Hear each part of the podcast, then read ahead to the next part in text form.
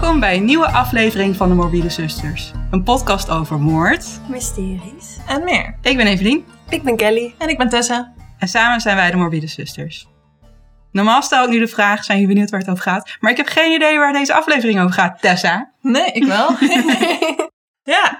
Ja, we gaan het vandaag eh, niet hebben over een zaak, maar we duiken eigenlijk een beetje de geschiedenis in. Ehm, en het thema valt binnen misdaad, maar ik denk dat die categorie iets te beperkt is. Maar daar komen jullie pas eh, later achter waarom. Mooie Spannend. teasers, hè?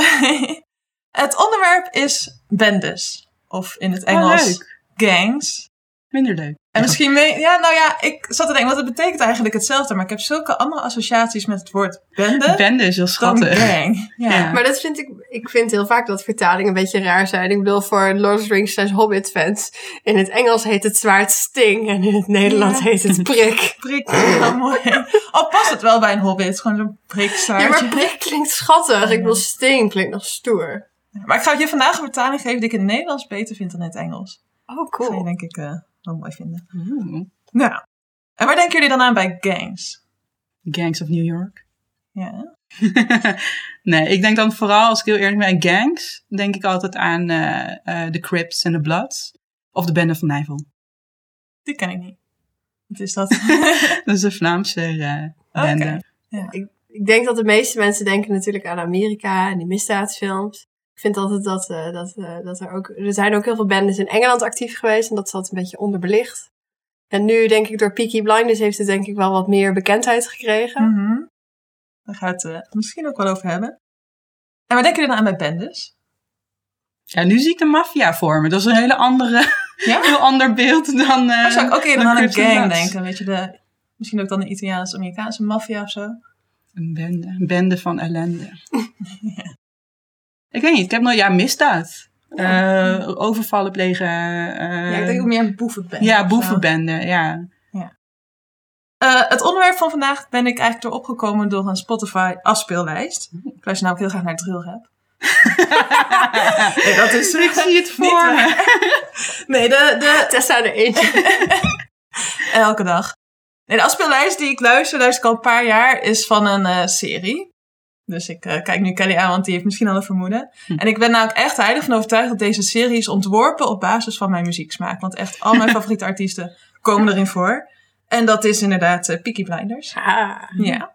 Hebben jullie hem gezien? Jij Nee. dat wel? Jij niet. Oké. Nou, ik ga proberen het niet de hele aflevering over te hebben, want het is geen Peaky Blinder podcast. Maar het leek me wel leuk om een beetje die geschiedenis inderdaad in te duiken van de, van de Peaky Blinders. Dus ik zal eerst even heel eh, kort vertellen voor degene die niet kende waar het over gaat. En dan vooral wat nou de geschiedenis erachter is. Dus de Peaky Blinders is een serie die zich afspeelt in Birmingham na de Eerste Wereldoorlog. En eh, Birmingham is na Londen eigenlijk de grootste stad van Engeland. Volgens mij toen ook al een van de grote steden, maar in ieder geval echt de tweede stad.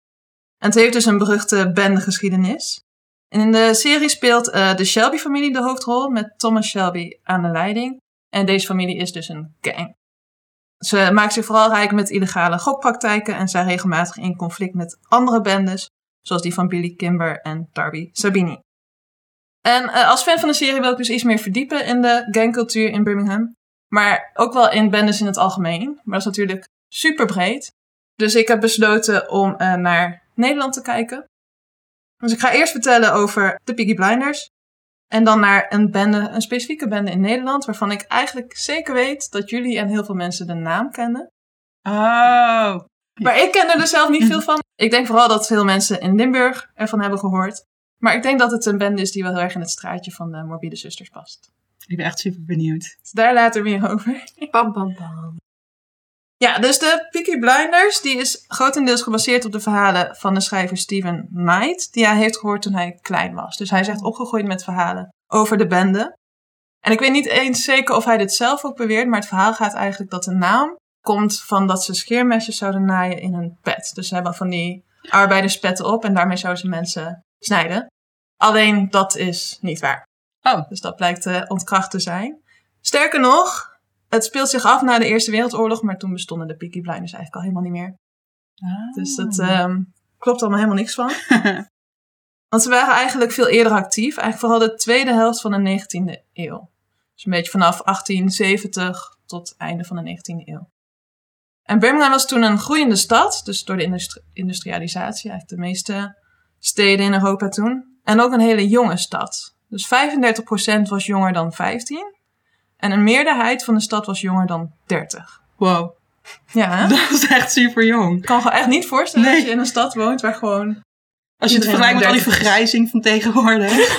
Oei. Ja. Dus het is, ja, dat is echt wel een typische stad. En nou, wat dus, ik zag dus dat mensen heel veel op de straat leefden. Nou, veel Ja. jongeren, eh, veel arbeiders, dus ook kleine huisjes, geen tuin. Dus het leven speelde zich echt af op de straat. En ik kreeg dus ook heel veel spellen op straat. En ook gewelddadige spellen. En er werd ook heel veel gegokt. Zijn er ook spellen die nu vandaag de dag nog steeds gespeeld worden? Die zij toen eh speelden op straat? Vast. Ik had de namen wel gelezen, maar die weet ik niet meer. Maar ja, echt niet, niet die we in Nederland kennen. Niet van Ah, dat is jammer. die eh, heb ik ook wel eens gedaan. Nou, maar sommige spellen heten in het Engels anders dan in het Nederlands. Ja, maar het werd wel beschreven als eh, dat je muntjes omhoog gooide en dan moest, de, moest je die vangen of zo. En degene die vangen moest die opnieuw omhoog gooien tot alle muntjes waren verdeeld, zo'n spel. En iets met stokken en ik weet het allemaal niet. Maar eh, het kwam mij in ieder geval allemaal niet bekend voor. eh, maar ik weet belletje, niet hoe ze... eh, belletje, geen, geen belletje rinkelen. Nee. Zelfs in Arnhem hebben we dat niet gespeeld. Ik ben dus in de ghetto in Arnhem opgegroeid. Waar. Broek dus. Welke van de vijf ghetto's in Arnhem? Knippen er wel uit. ja, dus er werd veel gegokt. En eh, daar ging de politie heel hard tegen optreden rond 1870. En dat zorgde eigenlijk vooral ervoor dat de jeugd zich tegen de politie ging keren. Dus wat je kreeg was dat ehm er vaak gevochten werd. Dus vooral door groepen jongeren tegen de politie. Maar hoe meer dat groepen werden, gingen ze ook tegen elkaar vechten. En uiteindelijk ook heel veel gewoon willekeurige mensen in de buurt.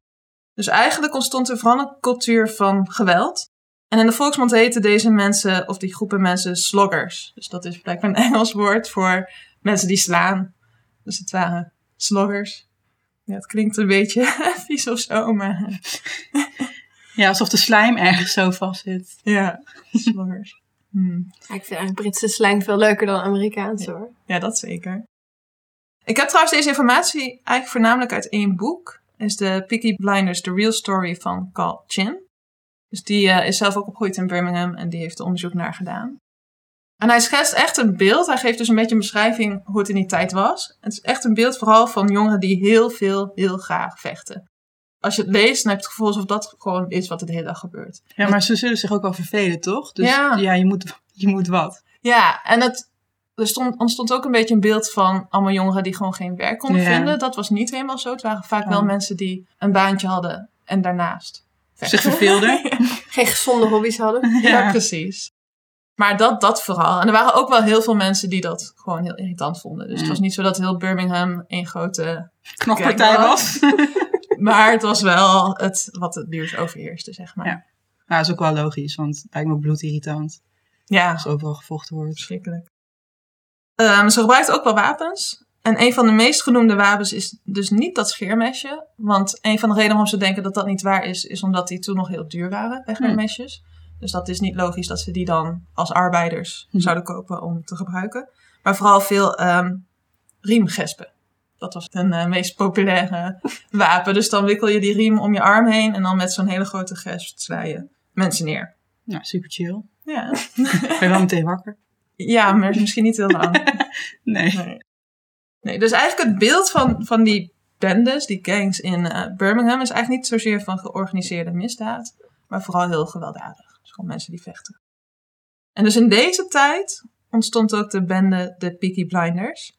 En wat deze bende vooral kenmerkte, waardoor je die kon zien of herkennen, was eigenlijk een kledingstijl. Ehm nou, is in de serie ook wel, alleen toch nog wel behoorlijk anders, want ze hadden vooral heel breed uitlopende broekspijpen. Dus dat was heel erg ehm, herkenbaar. Dus ik moet eigenlijk meer denken aan hippies, maar die had je dus toen ook al. Soms ook met parelknopen, opvallende sjaals en dan kaal geschoren met alleen aan de voorkant een pony met ook één lange krul of lok. Je zou, voordat je over het haar begon, zou je bijna denken een beetje dandy-achtig. Ja, Ja, en ik snap wel dat ze die, eh, ik snap overigens wel dat ze die pijpen in de serie recht hebben gemaakt. Want dat doen ze heel vaak. Als je, heel veel historians hebben heel veel kritiek op heel veel eh, series die een beetje period drama's en dat soort dingen zijn. Maar ze moderniseren altijd dingen, want anders vinden de hedendaagse mensen de kleding weer raar. Ja, ik denk ook inderdaad als je hele brede broekspijpen hebt, dat dat je wilt toch een beetje aantrekkelijk maken of zo. Mm. Ja. niet dat dat per se onaantrekkelijk is, maar Want ik weet ook nog wel een paar jaar geleden, toen was ik met vrienden carnaval vieren in eh, Keulen. En er waren echt zoveel jongens verkleed als Peaky Blinders. En ik denk dat ze dat niet hadden gedaan als, als het Ja. broekspijpen waren. ja, precies. En die haarstijl is ook echt een, een, een hit geworden in Engeland. Dus het is, in in de serie is het dan gewoon niet helemaal kaal, maar dat je alleen bovenop haar hebt. En het echt was het dus nog wel een stapje verder, maar dat kapsel is dus echt heel erg populair geworden. Ehm, trouwens, nog één ding dat kenmerkend was voor een kledingstijl was dus een eh, bolhoed of een pet die dan zo gevouwen was dat er een punt voor één oog zat. En dus volgens de auteur, dus eh Carl Chin, zou dat dus de oorsprong zijn van de naam. Dat ze dus half blinded zijn. Ah, oké, makes sense. Of dat echt zo is, dat weten we niet. Maar eh, dat was in ieder geval wat je wel veel zag. En de eerste keer dat de naam is teruggevonden, dus de naam de Peaky Blinders als zijnde van een, een, een gang, was in een krantenbericht over George Eastwood. Dus Eastwood die eh, woonde in Birmingham en die was eh, aan het eind van de dag een kroeg ingegaan om wat te drinken. En hij was geheel onthouder, dus hij had eh gemberbier besteld. En toen kwamen een aantal van de Peaky Blinders binnen. En die maakten zijn keuze belachelijk. Want geen alcohol, dat drink je toch niet als vent? Dus ze hadden hem op de grond gegooid. En toen wel naar buiten gegaan, maar buiten opgewacht. En echt helemaal in elkaar geslagen. Nou, hij geeft een hele uitgebreide beschrijving van alle verwondingen die hij heeft. Hij moest ook geopereerd worden aan zijn Mm. schedel uiteindelijk. Maar ook met weer riemgesp en al. eh, gewoon helemaal in elkaar geslagen. Klinkt echt als toxic masculinity. Ja, In welk jaar zitten we nu? nog steeds in eh 19, of, eh, 1870 Oké. ergens. Er- ergens tussen 1870 en 1900 in ieder geval. Oké. En dus ja, dit nieuwsbericht kwam natuurlijk ook in de krant. En daar is dus voor het eerst verwezen naar die Peaky Blinders. En wat je ook al zei van toxic masculinity. Wat je ook wel af en toe tegenkomt is dat er naar dus jongeren of mensen in die tijd werd verwezen als wifebeaters. Dus dat is Mm. gewoon echt... Het waren eigenlijk gewoon lompe jonge mensen die het leuk vonden om te slaan. Komen daar ook de wifebeaters vandaan? Dat weet ik niet. Zo wordt het toch eigenlijk vooral in Amerika genoemd? Ja, Ja. door eh, mensen die bepaalde delen van de soort Verenigde. Staten. Je hebt een een beetje wifebeater aan, Tessa. Oh. Moet je ons wat vertellen? Eh, ik heb geen wife, maar anders. eh. maar het is ook, er wordt ook wel geschreven over de, de vriendinnetjes van de Peaky Blinders. Die deden af en toe ook wel mee. Maar die, het was voor hen ook gewoon een feit dat zij door hun, eh, door hun vriendjes geslagen zouden worden. Dat hoorde erbij. Ik weet niet of ze dat ook zo vonden of dat ze gewoon niet echt keuze hadden.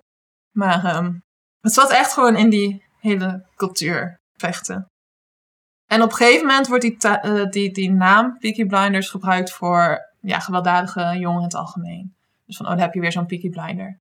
En dat merk je dus eigenlijk een beetje in de loop van begin van de 20e eeuw. Totdat ze helemaal verdwijnen.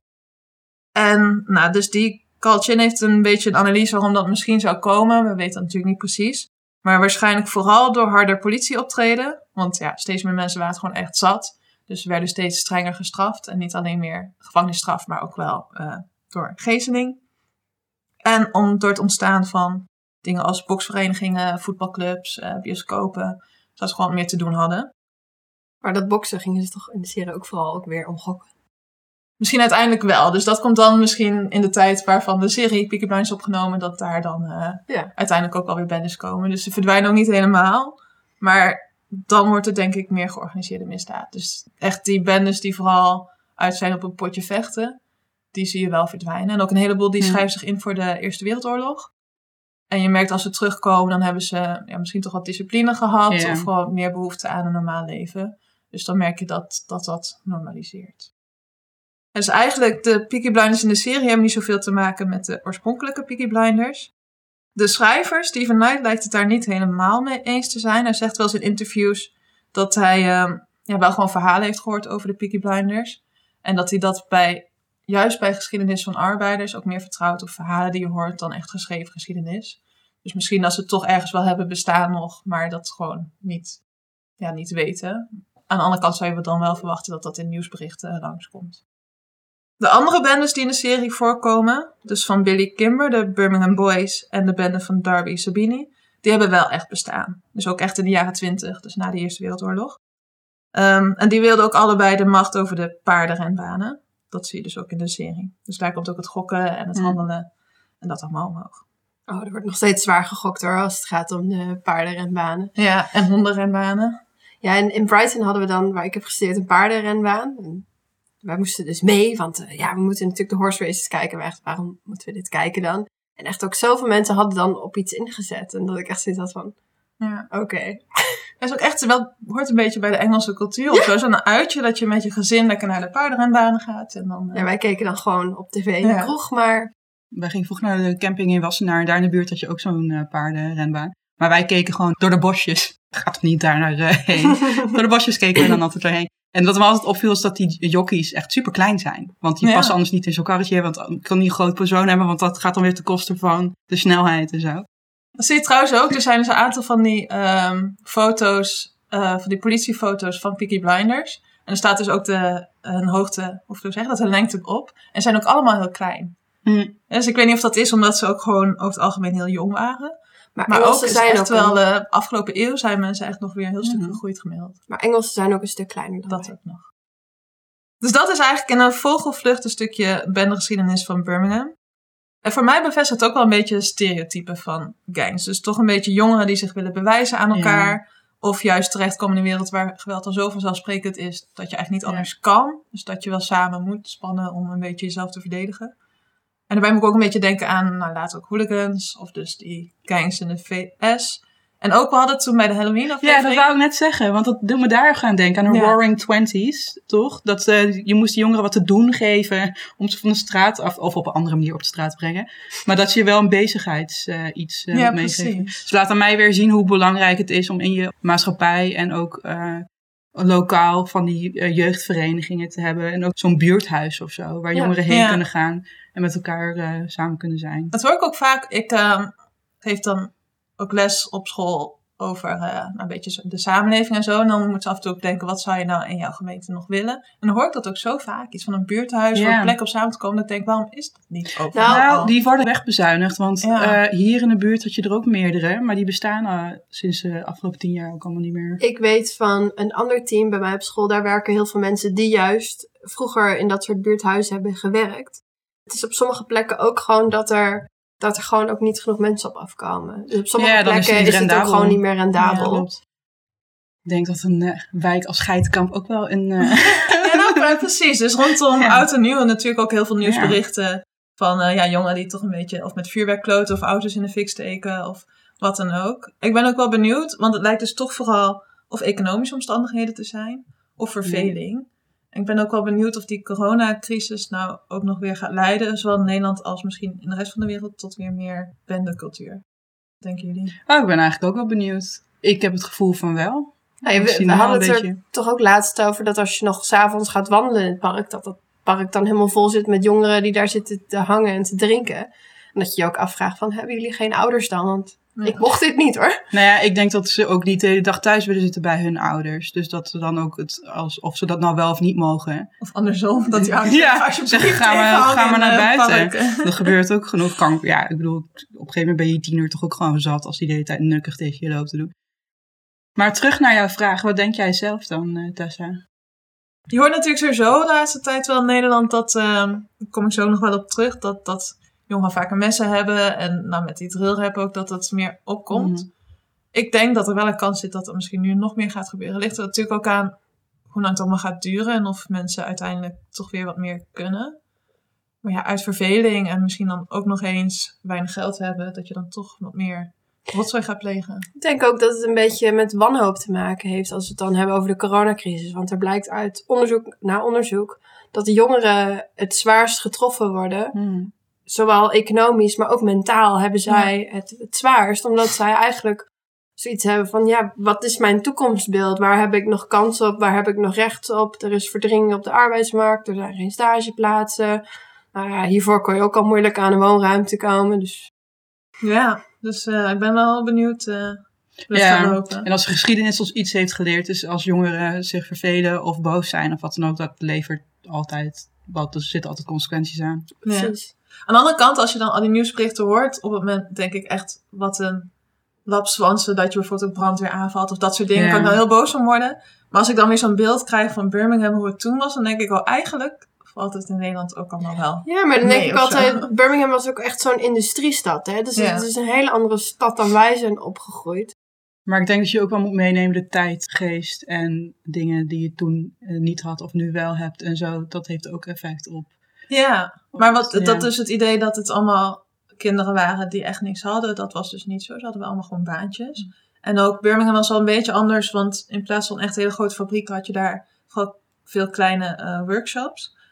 Dus het was ook, en daardoor groeide het ook heel hard. Het is ook een hele grote stad geworden. Dus het was ook iets minder wanhopig dan misschien andere steden in Engeland. Maar dan nog, ja, ze hadden het niet heel geweldig. Dus dat zal wel mee hebben gespeeld. Ik wil ook eigenlijk nu een beetje gaan naar Nederland. En want, nou ja, we hebben het nu al een paar keer over bendes gehad. En gangs denk ik toch vooral aan de VS of aan Gangs of New York of Mhm. aan Engeland. Maar niet zo snel aan Nederland. En er is ook wel binnen wetenschap discussie of er nou jeugdbendes zijn of niet. En met zoals zoveel dingen ligt dat een beetje aan je definitie van een bende. En dus er wordt soms een onderscheid gemaakt tussen problematische of criminele jeugdgroepen. En bendes die dan ook meer echt zich zouden identificeren als groep. Die dus echt iets van een eigen ja, identiteit hebben. En dat laatste heb je eigenlijk niet zoveel in Nederland. Dus je hebt wel dat soms in Amsterdam ze dingen van de Crips en Bloods in de VS imiteren. Mhm. Maar dan kan het best zijn dat je de ene week het ene hebt en de week daarna het andere. En als je dat in de VS doet, dan eh, ben je dood. En als je kijkt naar de data, ja, ik heb niet heel uitgebreid onderzoek gedaan hoor, maar wat ik in ieder geval zag was dat eigenlijk de misdaad onder eh, de jeugd afgelopen jaar heel erg is gedaald. Alleen, en dit was vooral in Amsterdam, in 2019 zag je het wel weer stijgen. Ja, maar dat heeft dus toch wel met drill rap te maken. hè? Ja, dat zou kunnen. Aan de andere kant, ja, ik ben nu een documentaire gaan kijken, maar dat is nog eh, maar twee afleveringen waar dat over gaat. En dat schijnt ook alweer te worden overdreven allemaal. Dus er is wel wat Ja. gedoe, maar dat is ook een beetje Het gebeurt, ook in, misschien. gebeurt natuurlijk ook in bepaalde wijken waar mensen een mening over hebben. Ja. En ik, weet, ja, ik heb geen idee. Dat weet je misschien ook meer als je erin zit. En wij als misschien hoogopgeleide witte vrouwen zullen dat Nee, minder nee, weten. nee, nee, nee. Of ik als witte vrouw. in ieder geval niet echt in die eh, steden wonen waar veel... Nou, waar je daar echt druk om moet maken. Ik, ik heb geen idee of je bijvoorbeeld als sommige mensen niet kan komen in bepaalde wijken. Of dat in Nederland Nee. bijvoorbeeld speelt. Maar dat gevoel heb ik inderdaad niet zo. Nee, dat gevoel heb ik zelf ook nooit. eh, ik heb dat nooit zo ervaren in elk geval. Ik ook niet. Maar eigenlijk hebben we het nu ook vooral over jeugdbendes. Maar Ja. bij, bij gangs of bands kan je natuurlijk ook denken aan de georganiseerde misdaad. Ja. En ook dat had je nooit echt heel veel, denk ik, in Nederland. Veel meer kleine groepjes. Eh, behalve natuurlijk toen de drugshandel groter werd. Ehm, Ik denk dat het vooral bekend werd in de jaren tachtig met Klaas Bruinsma. Dat Ja. een grote bekende drugshandelaar. En dat is natuurlijk ook logisch, georganiseerde misdaad en drugshandel. Want zodra je die drugs hebt, moet je het naar andere landen krijgen. Dus dan moet je het ook wel organiseren. Maar naast dus die grote georganiseerde misdaad heb je vooral in Nederland veel kleine bendes gehad. En wat me eigenlijk een beetje opviel, en ik hoop niet dat ik hiermee mensen beledig, maar is dat los van de grote steden als Amsterdam, eigenlijk vooral Brabant altijd een is van geweest. Voor, Ja. Bijvoorbeeld, hè, dus Bende van Os. Je had op een gegeven moment ook, eh, oh, nu heb ik die naam niet opgeschreven. Volgens mij de grote bende van Nederland of zo, of de grote Nederlandse bende. Dat was dan een samenstelling van meerdere, waaronder Brabant. Niet alleen maar, Maar maar vind ik nou echt een hele komische naam. Sorry. het zijn dus Weet je wel, wij zijn, wij zijn de grote bende van Nederland. Ja, maar van allemaal van onder de rivieren. Ja. ja, volgens mij zat Holland er wel ook bij en Brabant en nog een paar plekken. Dus dat was een soort samenwerking tussen bendes. Heel Wat schattig. Sorry. Ja, dan komen we toch bij terug dat bende gewoon schattiger klinkt Ja, dan een gang. De boevenbendes. en wat je in Brabant ook wel veel meer ziet, is dat er ook wel echt misdaadfamilies bestaan. Ik kwam ook een Mm. artikel tegen. Hmm, Dus de, interesting. als je wil weten welk artikel, dan moet je even naar de show notes.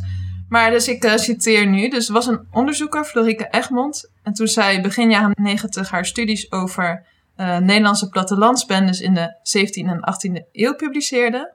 Dus met name en toename van de criminelen. En toen vertelden rechercheurs die zich bezighielden met de opsporing van criminaliteit nu, dat diezelfde namen nog steeds dus voorkwamen. Oh. Dus dat is wel heel grappig. Zijn er ook leuke voorbeelden? Ja, we zijn nog namen. namen. Dat weet ik, ga ik erop letten bij mijn studenten. Ja, ik Dat ook. durf ik nu niet hier Want te veel, veel van ons komen van onder de rivier. Dus, Ja. ja. Ik zit, ik op zo'n grensgebied en ze komen dus eh, sommigen wel van onder de rivier en sommigen van boven. Ja, dat heb ik ook, ja. Ja, ik, ik heb hier geen namen, nee, maar ehm, misschien kunnen we dat ook beter. Jammer. Vanwege privacy. Mhm. Ah, er zijn ook wel verschillende verklaringen voor, dus niet echt één duidelijke oorzaak. Maar het zou misschien mee kunnen spelen dat ze zich altijd wat achtergesteld hebben gevoeld. Ehm, ze waren ook pas later echt volwaardig onderdeel van de republiek. En werden ook veel gediscrimineerd vanwege het katholieke geloof. Ze hebben ook vrij slechte grond om te I verbouwen. feel wat very wel- personally ben je ook. ook op, mag maar. en ze, ze hadden dus ook niet echt goede grond om te verbouwen. Terwijl het toch wel echt een plattelandsprovincie is. Dus dat leidde ook misschien wat tot armoede. En er waren, en die ga ik misschien weer mensen beledigen. Maar ook veel hele grote woonwagenkampen. En dat is natuurlijk niet per se iets mis mee. Maar wat je wel ziet is dat omdat dat dus hele grote plekken waren. Dat je daar dus echt gecentraliseerde misdaad Ja, kreeg. Dus en- dat ze- Eh, mensen op woonwagenkampen hebben meestal een eigen community met hun Ja. eigen regels en Ja. hun eigen manier van politieagent spelen. Dus dat levert natuurlijk ook veel meer problemen dat op. gevoel van Ja. wij tegen... Maar dat zie je altijd in communities. Dus ja, dus het zuiden van Nederland, dus Brabant en ook wel een beetje Limburg, daar zie je wat meer criminaliteit. En dus de bende waar we het nu over gaan hebben, die eh, komt ook uit Limburg. En ik Daar denk dat jullie de naam hebben gehoord. En de meeste mensen die in de Efteling zijn geweest, namelijk de bokkenrijders. Yep. Nee, ik had een andere in gedachten. Oké. Ga door. Welke had je in gedachten? Ja, ik zat dus aan een bende van Os te denken, maar dat is in dat Brabant. Dat is Brabant. Ja. Dit is van die, van die show in de Efteling. Bij de Villa Volta. Het is dus een verhaal dat gewoon verzonnen is voor de Efteling. Dus het is niet per se waar Oh. gebeurd. Maar weten jullie iets van de bokkenrijders? Al eerder van gehoord? Moet ik graven naar heel vroeger, toen ik nog wel naar die show was geweest. Dus nee. Nou, dan ga ik jullie wel eerst het verhaal vertellen. Dus dan gaan we terug naar Nederland in de 18e eeuw. Dus de Gouden Eeuw is dan al voorbij. En Nederland is nu een republiek van zeven provinciën. Maar de zuidelijke provincies, dus Noord-Brabant en Limburg, alleen heten ze toen anders, eh, die vallen er wel onder, maar die besturen niet mee. En Limburg bestaat dan nog uit meerdere delen, die onder de naam Landen van Overmaas bekend zijn. En die werden na de Spaanse successieoorlog verdeeld onder Nederland en Oostenrijk. Onder Nederland en Oostenrijk. Oh, dat wist ik niet. Dacht België. Ja, dus Spanje heeft verloren en toen hebben ze dat eh, zo verdeeld. Ja. En aan het einde van de 18e eeuw zijn ze ook nog een tijdje onder Franse invloed geweest. Dat Hmm. wist ik. Dus eh, echt van alles. Nogmaals, daar ga je. Ja. en dus na de Spaanse successieoorlog was dus de rust weer wat teruggekeerd. En eh, nou ja, het zuiden van Nederland is dus katholiek. En dus die vrome, godvrezende katholieken die probeerden natuurlijk een deugdzaam bestaan op te bouwen. En hard te werken om de economie weer eh, een beetje op te krikken. Nou, kan ik me weer helemaal in vinden. Precies. Soms is het zo jammer dat onze podcast geen visueel medium is. Je had Evelien net moeten zien. Wacht maar.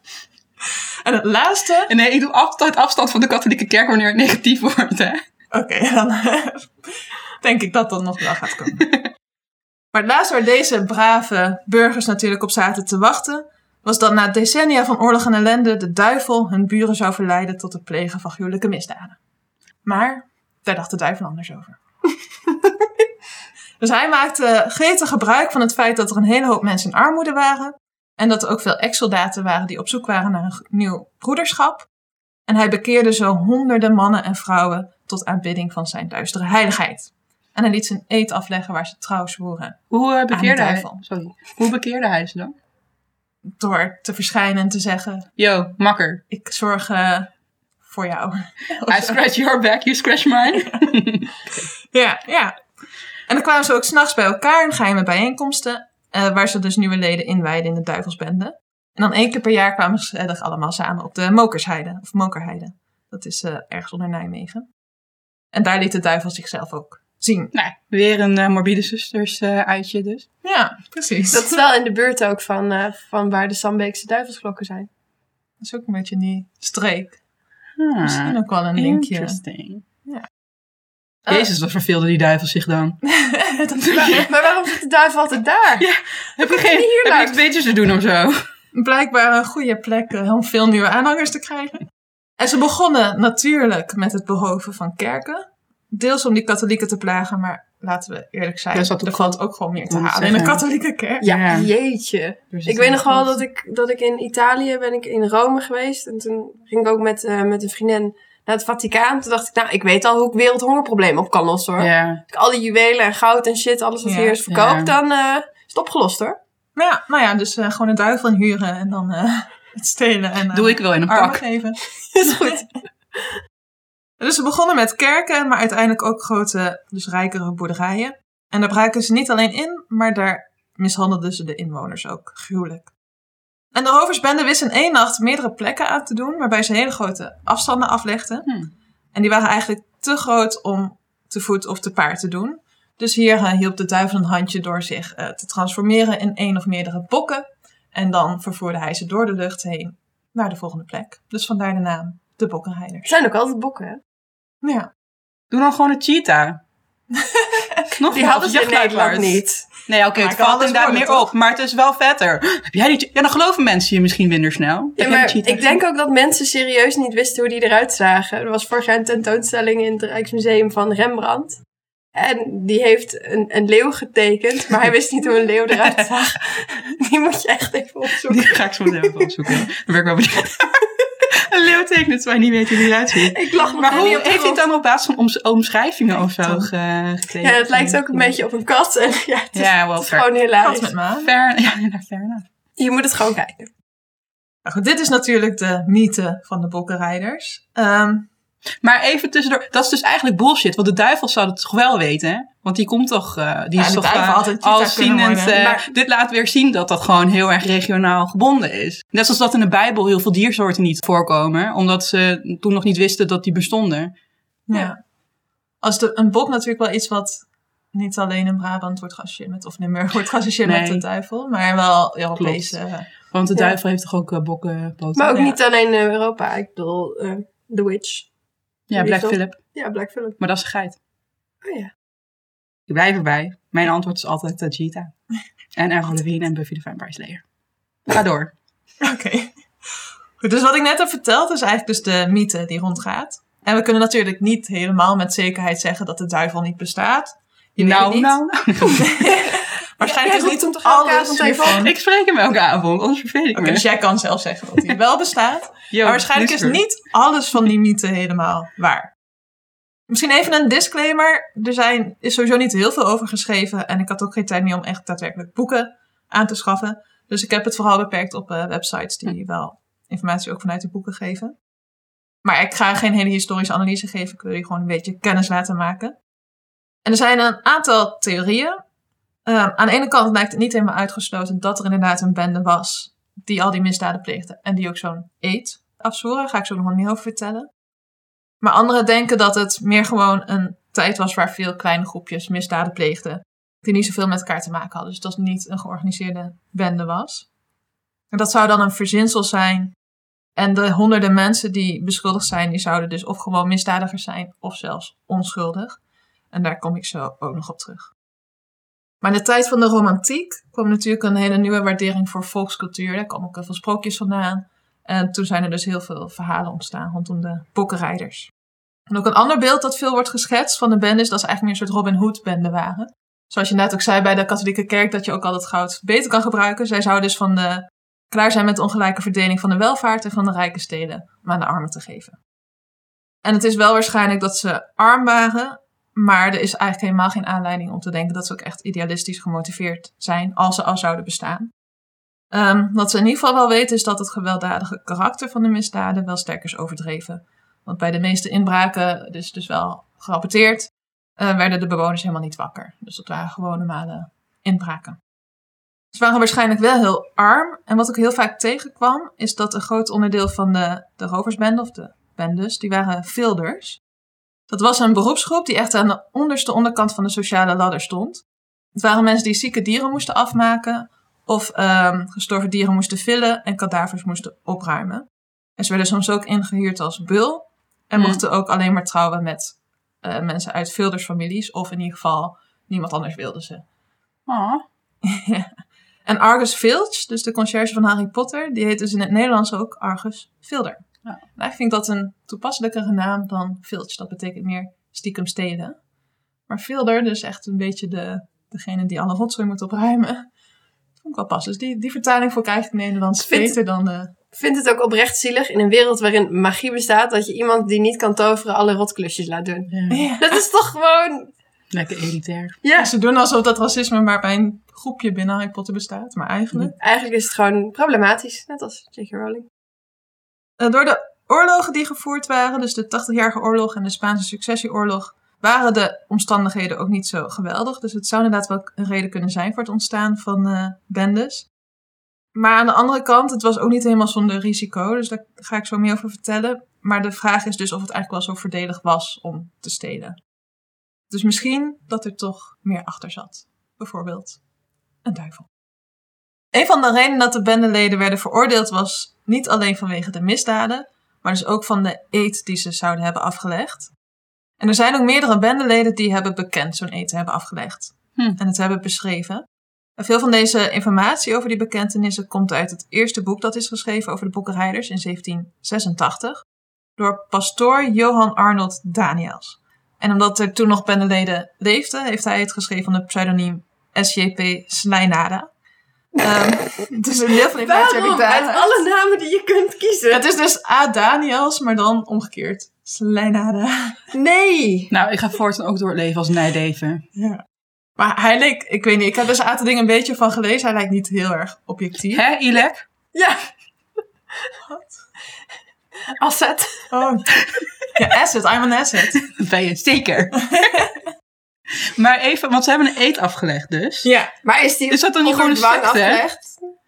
En ik vraag me af, zeg maar, als je, net als heel vaak bij heel vaak misdaden, als, als jij gemarteld bent of op een vervelende manier over, oh, ja, ondervraagd bent, dan... Daar, daar kom ik zeker nog op terug. Dat is wat ze Scientology in principe toch ook doen. Met al die I-metingen en dat ze dan eh, Ja. shit opnemen. Ja. Dus, we- dus we weten niet echt. Ik ga zo nog even vertellen over hoe die bekentenissen tot stand zijn gekomen.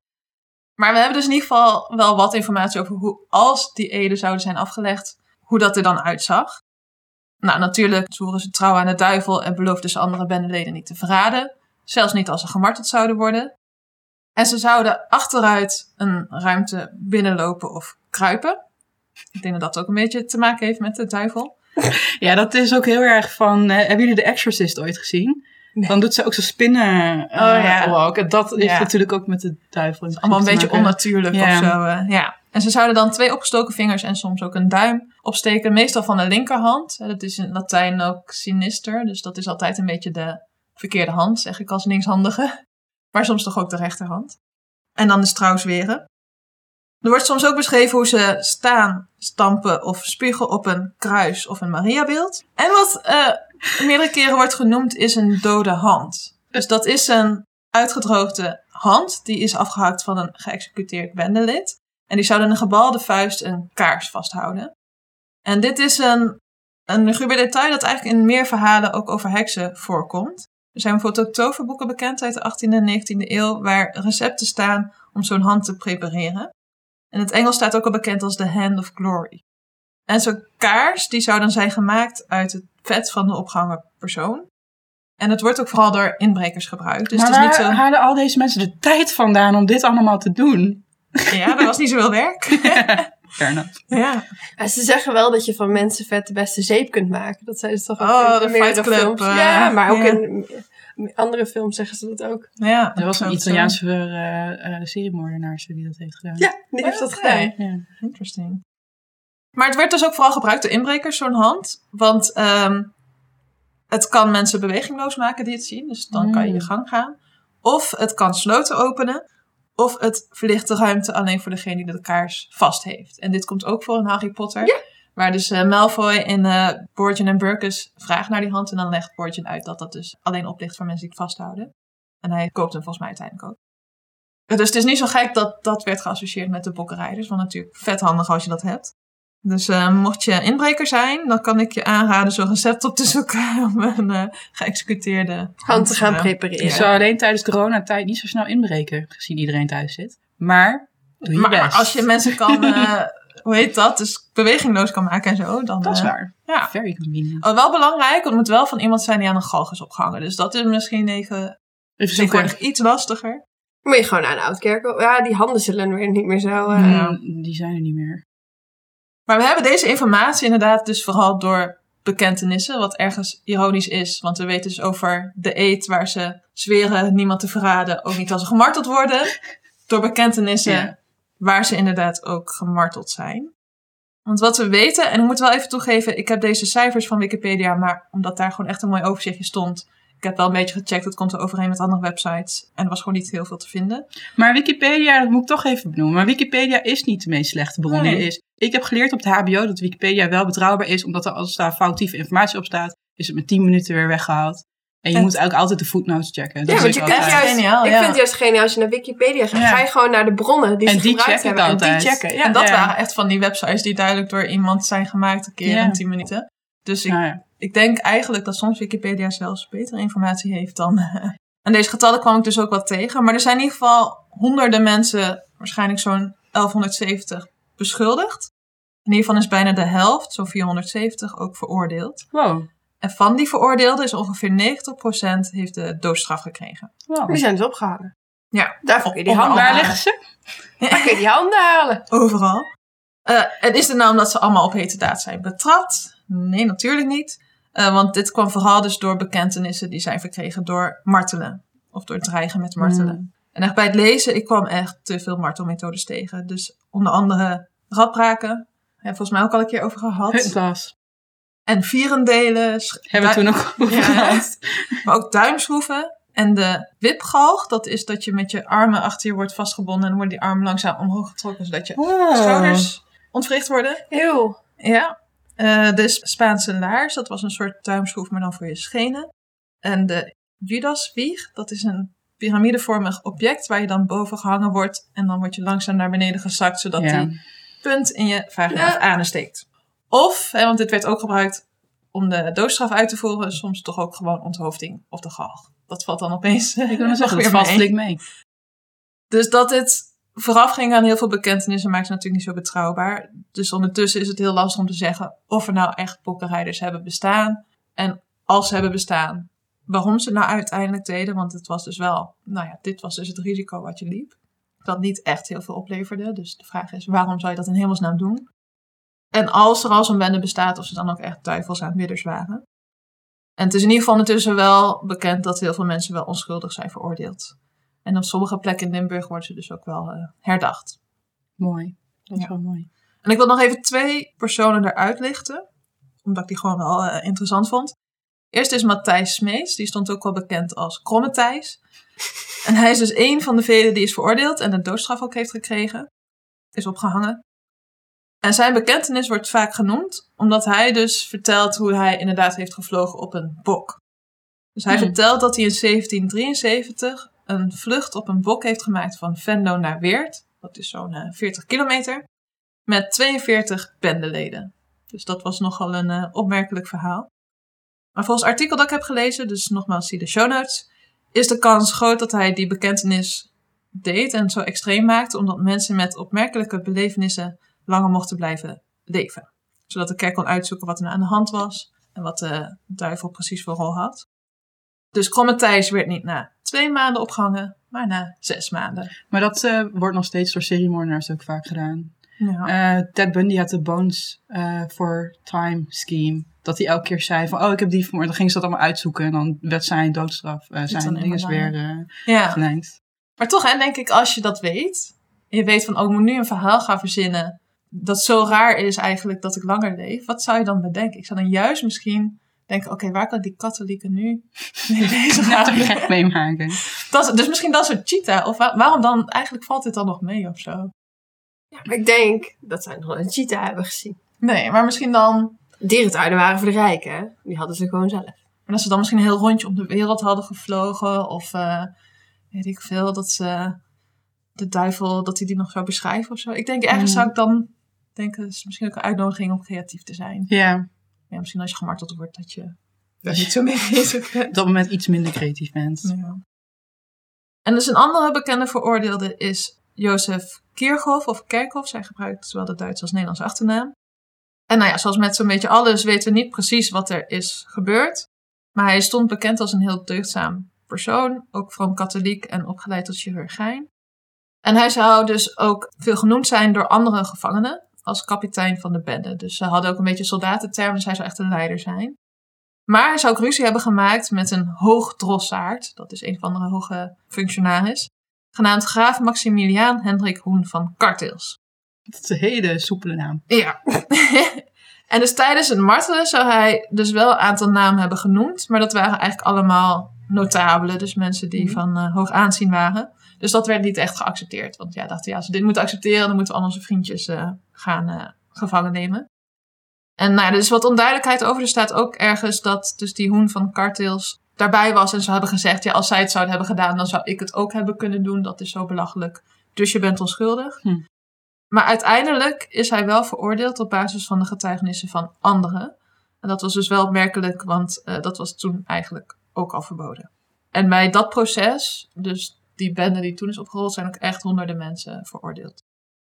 En dus echt door deze maar nogal grootschalige vervolgingen en bekentenissen door martelingen wordt het ook nog wel eens het laat-heksenproces genoemd. Ja, Inderdaad. het klinkt wel als een uh, heksvervolging. Ja.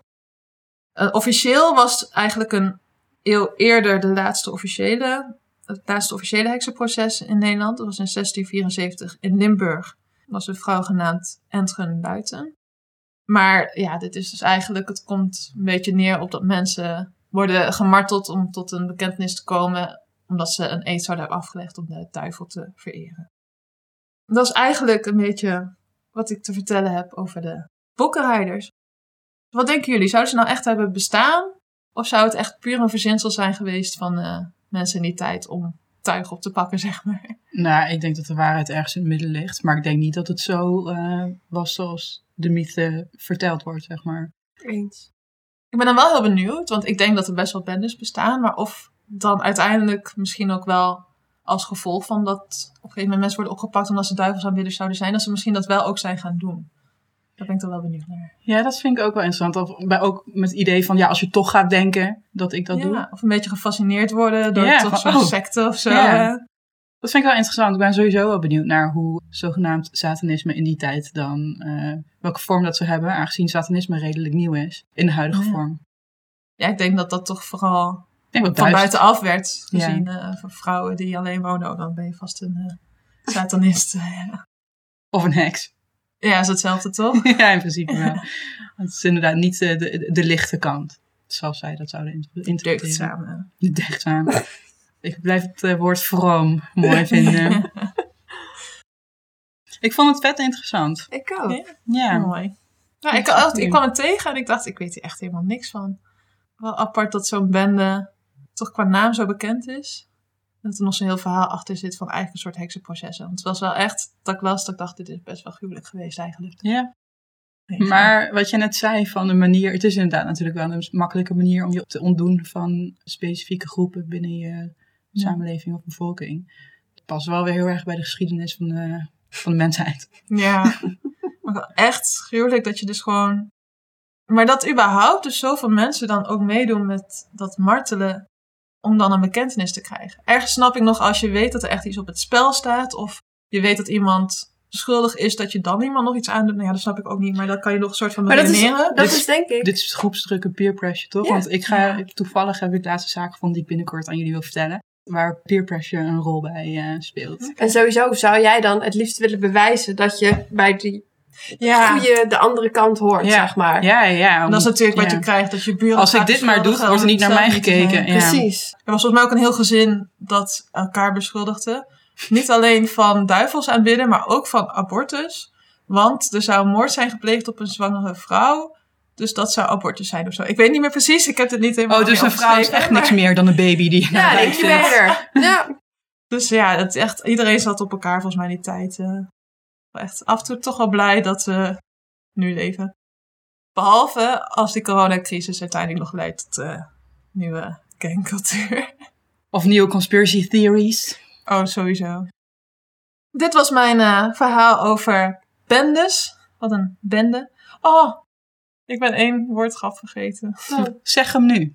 Maar dat is niet te laat. Nee, we Zeg hem nu. zeggen nu. Dit was mijn aflevering over bendes. Met onder andere de bokkenrijders die misschien echt hebben bestaan, maar misschien ook gewoon de zonde bokkenrijders waren. Sorry. Mocht je nou dit leuk vinden en meer van ons willen horen, dan abonneer vooral op onze podcast en laat een leuke review of rating achter. En wil je met ons kletsen? Dat kan op social media. Wij zitten op Facebook, Instagram en Twitter. Op Instagram en Facebook heten wij De Morbide Zusters. En op Twitter kun je ons vinden als Morbide Zusters. We hebben ook een website. Op de website kan je ons script elke keer vinden en uh, ook de bronnenlijst. Dus als je die wilt nalopen, doe dat vooral. En je kan er ook foto's vinden gerelateerd aan de aflevering. Onze website is www.demorbidezusters.nl. Dus ga daar vooral naartoe. Dit waren de Morbide Zusters. Tot, Tot de volgende keer.